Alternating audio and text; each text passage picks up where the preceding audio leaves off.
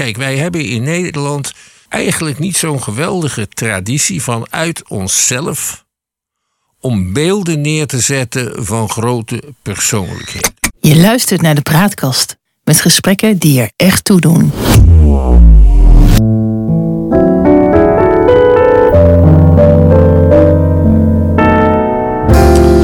Welkom bij de Praatkast.nl. Dit is een aflevering van het Geheugenpaleis. Mijn naam is John Knierim en samen met Han van der Horst maken we deze podcast. De geschiedenis haalt zich nooit, maar rijmen, dat doet hij vaak wel. En in het Geheugenpaleis gebruiken we dat gegeven om dieper in te gaan op de actualiteit. En om te ontkomen aan de waan van de dag en om tot de kern van het nieuws te komen. Op het stationsplein in Rotterdam is een reusachtig bronzen beeld uh, onthuld onlangs van een jonge vrouw. En uh, het heet Moments Contained.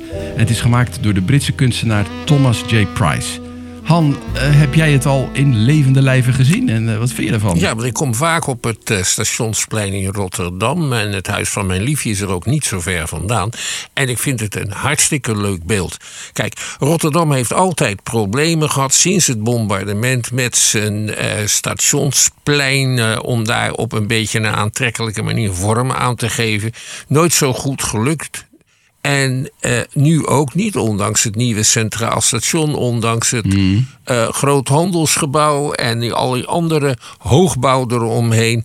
En uh, dat beeld is een toevoeging wat leven aan dat dode plein geeft. Vind je ook niet? Nou, ik heb het uh, nog niet in levende lijven gezien, maar ik heb uh, uitgebreid uh, beeldmateriaal van gezien. En ik ben ongelooflijk onder de indruk van uh, dit beeld. Dus inderdaad uh, verlevendigt het dat, uh, dat dode plein daar eigenlijk. Alhoewel dat station natuurlijk prachtig is. En ja, ik vind het eigenlijk gewoon prachtig, mooi, modern. Een heel eigentijds beeld. Ja, ik, ik was erg wel onder, eigenlijk wel onder de indrukken van het geheel. Maar wie schetst mijn verbazing dat er door zowel voor- als tegenstanders van dat beeld de racismekaart gespeeld uh, uh, gaat worden hierbij. Voor mij is het gewoon een vrouw. Ja, het beeld is zwart. Dus ik had daar nou niet direct een zwarte vrouw in gezien. Dat, dat kwam helemaal niet bij mij in mijn gedachten dat het zwart of wit was. Of nou ja, whatever. Maar ja, vertegenwoordigers van de woke-beweging... die zien hierin toch een soort bevrijding van de zwarte vrouw. Journaliste Tara Lewis die schreef... Ik voelde de collectieve opluchting, van trotse zwarte vrouwen die zich regelmatig door systemen en mensen tot tweede rang burgers gereduceerd voelen. Maar die daar levensgroot en op een prominente plek de ruimte kregen om te zijn wie ze zijn. In al hun facetten.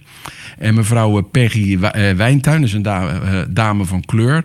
Uh, die zegt: Het is fantastisch als Rotterdam als eerste stad in Nederland de zwarte vrouw laat reizen in volle glorie. Nou ja, daar ben je mij al helemaal kwijt. Maar toen las ik ook de column van Rosanne Hertzberger in de NRC. En die gaat helemaal op het orgel, maar daar weer tegenin.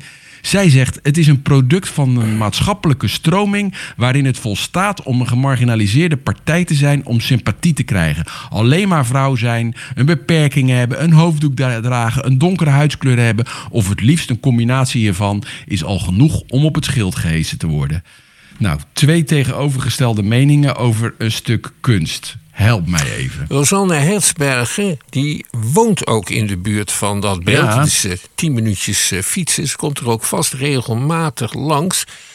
En in die column zegt ze iets over zichzelf.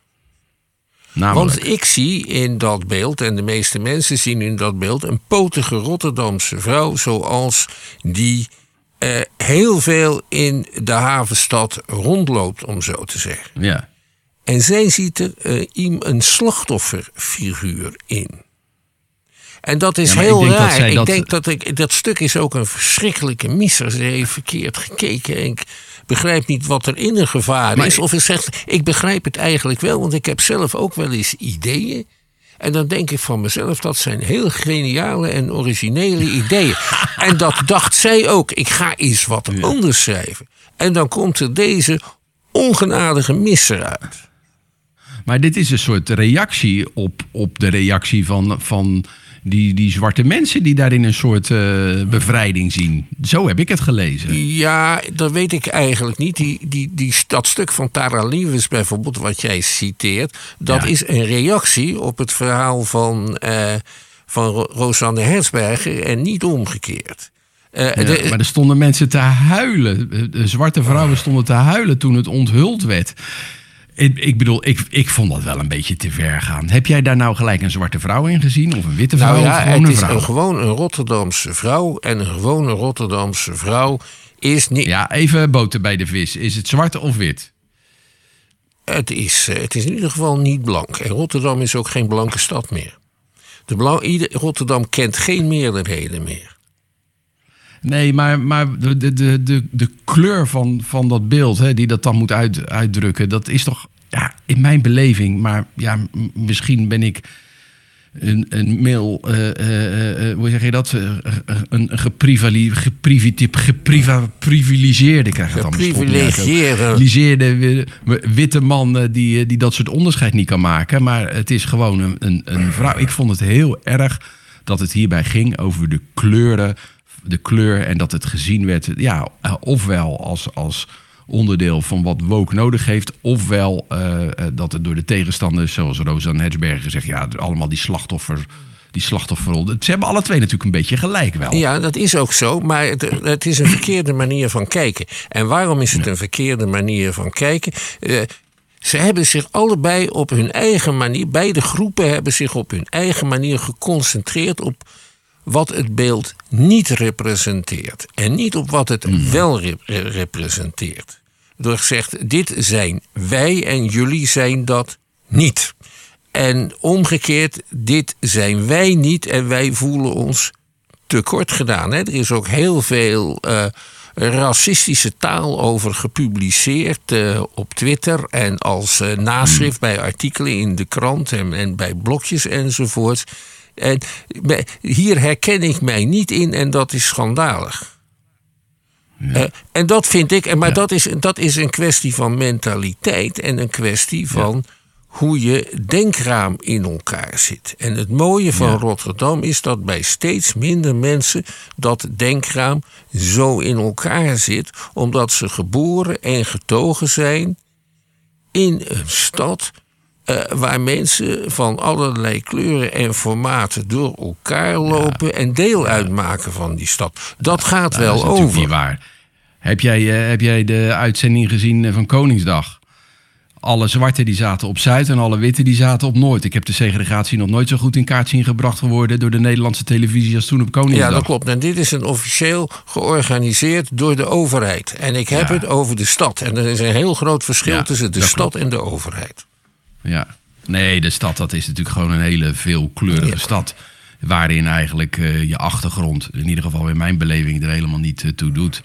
Nou, laten we zeggen dat we het gewoon. Ik vind het een prachtig ook een prachtig kunstwerk. kunst. En wat mij betreft eh, wordt de, hele stad volgestopt met prachtige kunsten van wat voor aard dan Ja. ook.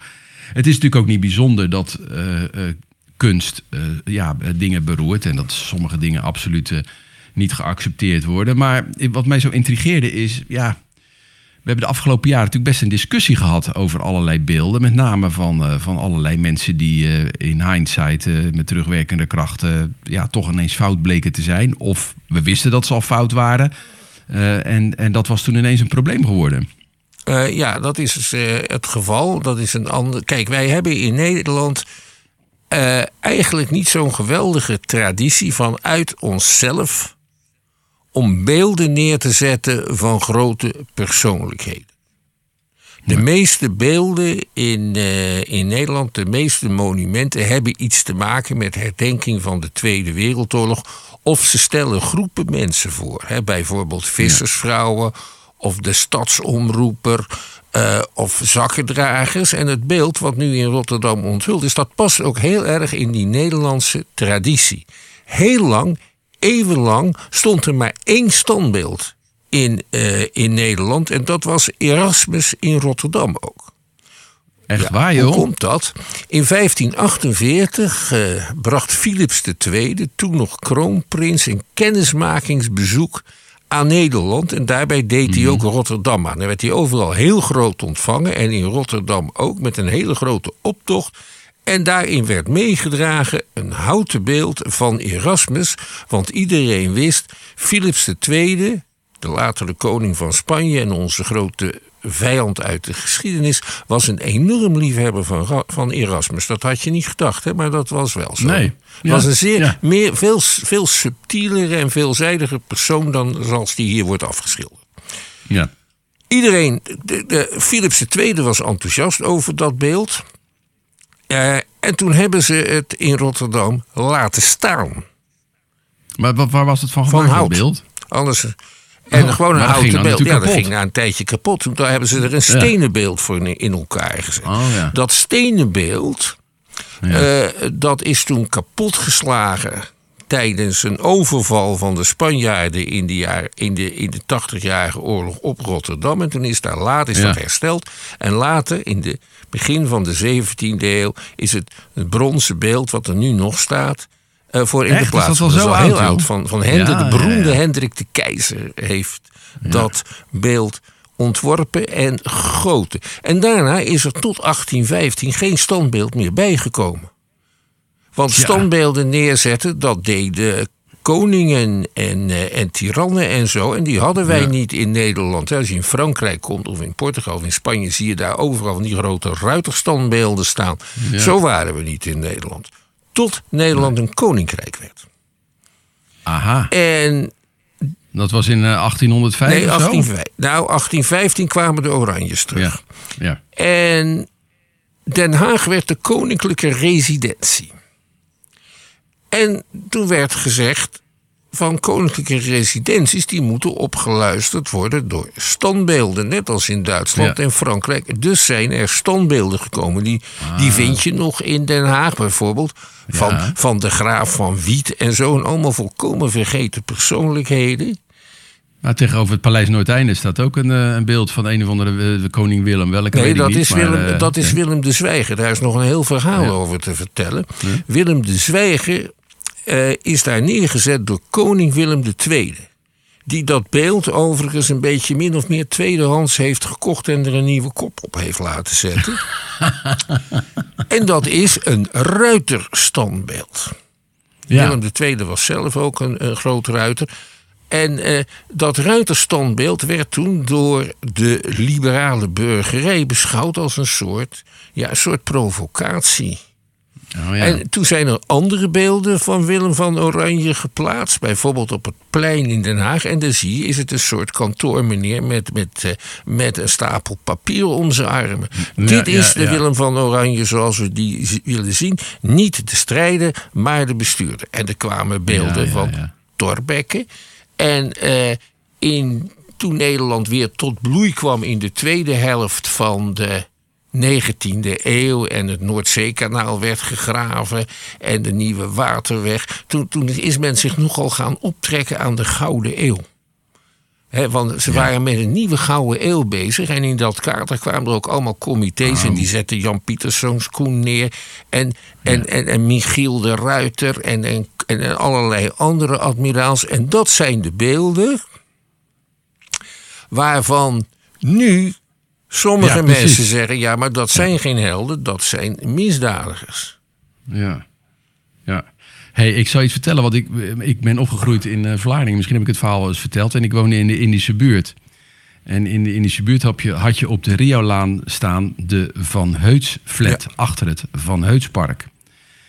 En wat ik wist als klein 9 of 10 of 11-jarig jongetje, wat ik al op geschiedenis had gehad, dat Indonesië onafhankelijk was geworden en dat wij daar hadden gezeten en dat het misschien toch niet zo heel netjes was wat we daar gedaan hadden. Het scheelde ook dat ik een Indonesische eh, leraar had, meester had, dus die had daar misschien ook wat een en ander over verteld. Maar goed, een van mijn, eh, van mijn schoolvriendjes woonde in die flat. En wat hing er in die flat? Een buste, een plakkaatbuste, ja, ik weet niet hoe je dat noemt, van Van Heuts. En ik we- weet nog, herinner me nog heel goed dat ik daarvoor stond. En toen dacht ik, ja, maar de Nederlanders hebben eigenlijk onterecht in Indonesië gezeten en die zijn daar weggegaan. Hoe kan het nou dat wij als Nederlanders zo'n plakkaat daarop hangen met het borstbeeld van meneer Van Heuts. Ik kon daar helemaal niet bij, maar ik durfde het ook niet te vragen. Nee. En dan staat er ook nog een borstbeeld van hem in Coevorde, nota bene. Ja. En er is een groot monument voor hem geweest in eh, Amsterdam. Ehm, Dat ze hebben betaald van het geld dat werd overgehouden nadat er een, een landelijke collecte was gehouden voor een pruilgraf. En die van Heuts is eh, de absolute schurk in de Indonesische geschiedenis. Hij leefde rond 1900 en hij eh, was de commandant op den duur van de, in de Atje-oorlog. En daar had hij de volgende strategie voor. Ehm, dus wie meewerkt, die, eh, nou ja, die wordt beschermd. Wie tegenwerkt, wordt vermoord. Dus er zijn daar heel, dus, eh, heel veel genocideachtige veldtochten zijn daar gehouden. Ja. Eh, geestelijke leiders kopje kleiner gemaakt. Ja. Want de Adjeërs waren nogal fundamentalistisch islamitisch. En dat was de, zeg maar, de, de, de, de, de vuur, het, het vuur, de brandstof van, van hun strijd. En zo Ja. heeft met veel geweld Van Heuts eh, die eh Atje-oorlog gewonnen en nog andere oorlogen laten voeren toen hij gouverneur-generaal was. Eh, in 1984 overigens hebben uiterst linkse figuren een aanslag gepleegd. Een bomaanslag. 1984? 1984, een bomaanslag op het, op, op het monument van Van Heuts in, eh, in Amsterdam. Dat is ook ja. omgedoopt later tot het monument eh, Nederland-Indië 1596-1949. En dat is gedaan nadat andere onverlaten de letters van Heuts gestolen hadden die daar groot op stonden. Ehm, ja. ja, en zo hebben wij in ons land allemaal van dat soort beelden staan. En verleden jaar kwam ik in Triest en daar werd ik rondgeleid door oude vrienden van mij uit de tijd dat ik nog 18 was. Die inmiddels ook allebei gepensioneerd zijn. Eentje is hoogleraar geworden. Anna Storti en Giuliano Abate. En wij liepen daar door Triest, of we klommen eerst de oude stad eh, door en we kwamen boven op een heuvel en daar stonden allerlei rare eh, imponeerdingen. En dat waren de herinneringen aan het fascisme. Oh ja. Want in Triest had Mussolini nogal wat monumenten neer laten zetten. ja, ja, En ja. toen zei Anna, die dingen die. Ik zei, laat, eh, in Nederland hebben wij allemaal acties dat dit soort dingen weg moeten. Nee, zei eh, Anna, dit zijn onderdelen van onze geschiedenis. Die staan hier nu eenmaal. Ja. En dat gaf haar Nou, bovendien is- gelegenheid om wat over te vertellen over wat Mussolini en de fascisten in Triest allemaal hadden aangericht. Maar wa- wat is er dan in, in zeg maar, ja, de maatschappij gebeurd?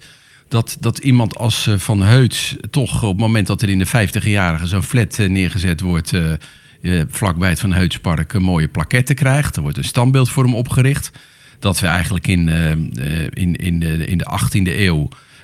allerlei beelden van Piet Hein en nou ja, die je noemde ze net allemaal, dat we die daar oprichten.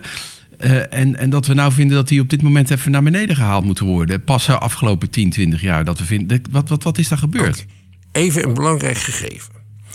Ehm, sinds 1980 zijn er veel en veel meer Nederlanders in Indonesië geweest dan in alle vier eeuwen daarvoor bij elkaar. Dat komt, dat komt door het massatoerisme. Alle Ja. informatie die uit Indonesië kwam of uit de kolonie Nederlands-Indië kwam en die in Nederland terecht kwam, die was gefilterd. Alleen erg grote schandalen zijn hier Hmm. ook wel bekend geworden, maar die hebben de doofpotbehandeling gekregen in de Ja. politiek. Eh, dus dat is één. Dus er zit een element van onwetendheid, De hele Ja. Nederlandse bevolking dacht dat wij in de koloniën heilzaam werk verrichten en dat we daar de beschaving brachten. Ja. En dat wij daar strijd voerden tegen bijgeloof en tegen koppensnellen en nota bene tegen de slavernij. Ja. Dus dat dacht iedereen. Eh, vandaar. Maar, Eh, maar, maar dat is dan misschien voor Indonesië. Maar met Piet Hein en, en, en, en alle andere zeehelden. Ik woon niet trouwens in het zeeheldenkwartier Ja. in Den Haag. Nou ja, als we die allemaal een andere naam gaan, eh, moeten gaan geven, al die straten, dan kan niemand meer de weg vinden.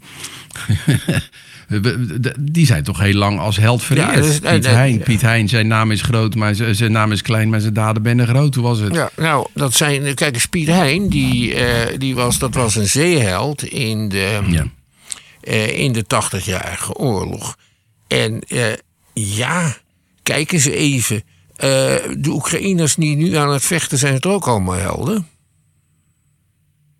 Ja, en ik dus- hoop dat dat over 200 jaar ook nog zo ja, gezien nou, wordt. je hebt kans dat, da- dat daar al over een aantal, over een tijd verandering in Ja. komt. Als duidelijk wordt wat Oekraïners bijvoorbeeld uitvreten daar.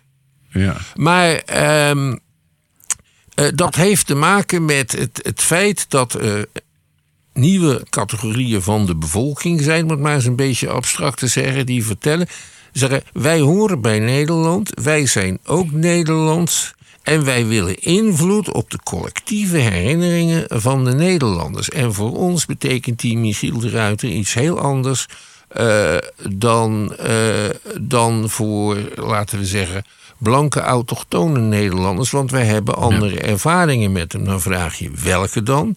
Nou, dan blijkt dus Michiel de Ruiter een tamelijk eh, geschikt is om gewoon held te blijven. En ander, Piet Hein ook trouwens. Ja. Ehm, er zijn geen zeehelden die eh, een echte een belangrijke rol hebben gespeeld bij, eh, bij de transatlantische slavenhandel. Eh, Johan Maurits van Nassau, van eh, het Mauritshuis, die Ja. wel.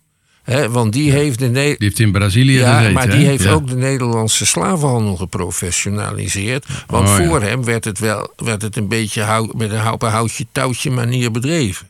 Maar Maar zijn er veel standbeelden van hem dan? eh, nou, ehm, dat valt volgens mij ook wel mee. Maar het Mauritshuis bijvoorbeeld, hij, hij, is Ja. wel, hij heeft wel een, een grote reputatie. Ze hebben daar iets Ja. aan gedaan in het Mauritshuis. Ze hebben dat element in zijn eh, biografie eh, de, de, de, aan- de aandacht gegeven die het verdient. Hè? Dus wat we nu zien gebeuren, wat je moet voorkomen, is dat er een soort zwarte legende ontstaat Ja. Over allerlei historische figuren. En nou Ja. ben ik zelf historicus, dat weet je. Ja. En wat een historicus doet, dat is uitzoeken wat er gebeurd is en ook waarom het gebeurd is. En Ja. wat de mensen, die het, die de, de actoren, de daders en de slachtoffers, wat die daarbij dachten. En zo verklaar je dingen. Maar ik Ja. ben geen rechter. En ik zit niet in een rechtbank. En ik ben er niet om mensen schuldig te verklaren. Jij kan wel vanuit jouw eigen opvattingen zeggen: die Piet Hein, die deugt volgens mij niet. Nee.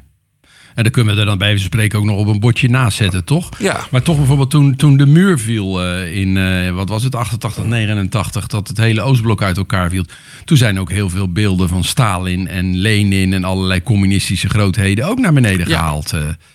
Dat ze. En die worden trouwens nu weer, eh, weer in ere hersteld onder leiding van Ja, Poetin, nou, volgens nou, mij. nou, Maar- soms wel. En je kunt je Ja. afvragen of het niet juist aardig is om, om, om dat, een, bepaald, een bepaald aantal dingen gewoon te laten staan. ja. En ze hebben destijds het Palast der Republiek van de DDR hebben ze afgebroken. En daar Ja. het, een, een namaakkasteel wat daar vroeger stond, of dat in namaakvorm weer, weer teruggezet. Maar dat Palast der Republiek, ook al zat er veel asbest dat vertelde toch een heleboel over die staat. Eh, Ja. waar, waar, waar mensen, ach- waar 18 miljoen Duitsers 40 jaar lang in gezucht hebben. Moet je dat Ja. weghalen of niet? Ja. Hetzelfde geldt voor het beeld van eh, Saddam Hussein. We kennen allemaal die iconische beelden, denk ik, uit. eh de, volgens mij was het de Tweede, eh, de tweede Golfoorlog, waarin de Amerikanen uiteindelijk eh, samen met de Ze- Irakezen zo'n zo'n tamelijk goedkoop beeld van Saddam want dat bleek ook nog. Want Saddam Hussein had ook wel grote, grote standbeelden, maar die waren wel voor een koopje op neergezet. Dat geldt trouwens ook voor al die standbeelden die in de het zuiden van de Verenigde Staten de laatste jaren zijn verwijderd. Dat zijn standbeelden van generaal Ja. Lee. Generaal Lee Ja. was de commandant van de zuidelijke troepen in de Amerikaanse burgeroorlog. Eh, Ja. En dat bleken ook allemaal eh, op een koopje neergezette dingen te zijn die heel makkelijk omver gingen. Ze, ze werden neergezet als statement, vaak niet eens zo lang geleden. Ja. Ehm, en, eh, en dat mocht niet te veel kosten. Iets aardigs trouwens, of iets aardigs. Ik, ik hoorde onlangs dat ehm, de huidige republikeinse gouverneur van Alabama... dat is een, een, een vrouw van Indiaanse afkomst...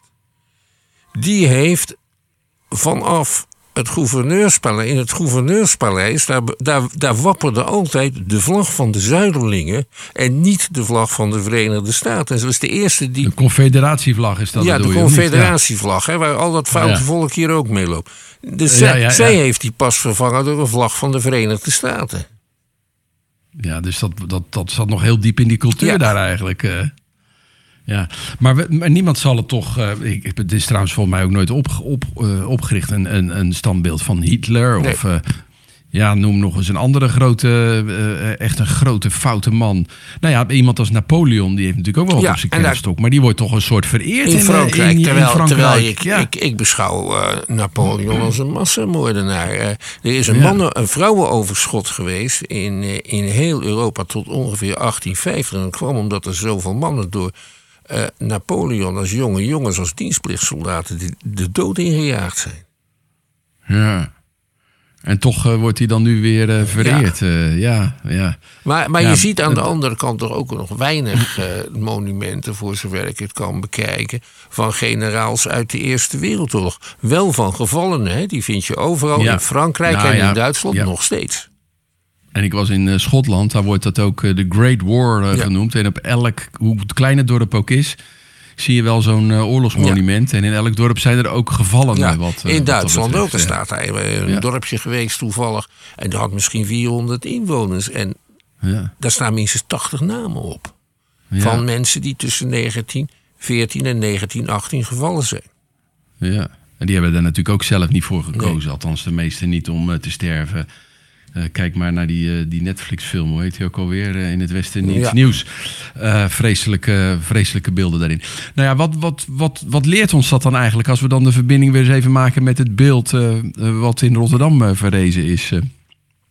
wat moeten we hier dan mee? Want het, het roept controversies op. dat is misschien ook wel goed met kunst. Ja, daar is kunst ook voor. Je kunt daar, daardoor discussies, discussies krijgen over, over hoe, hoe, hoe een goede stad Rotterdam in elkaar zit. Dat Ja, is nog niet zo slecht.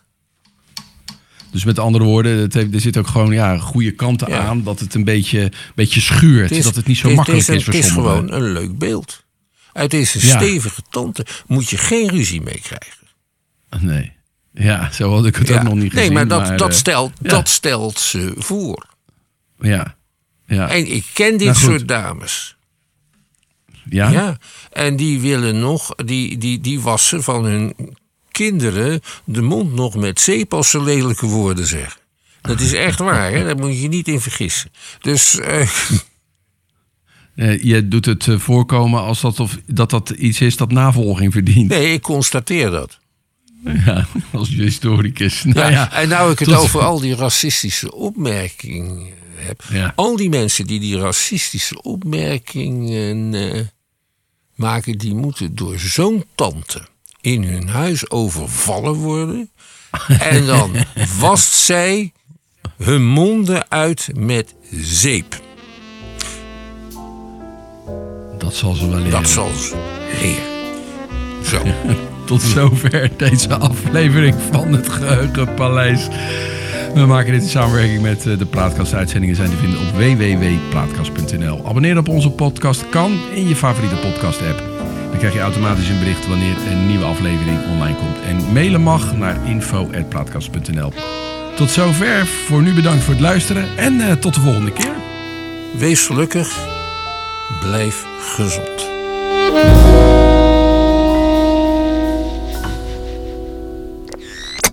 De Praatkast.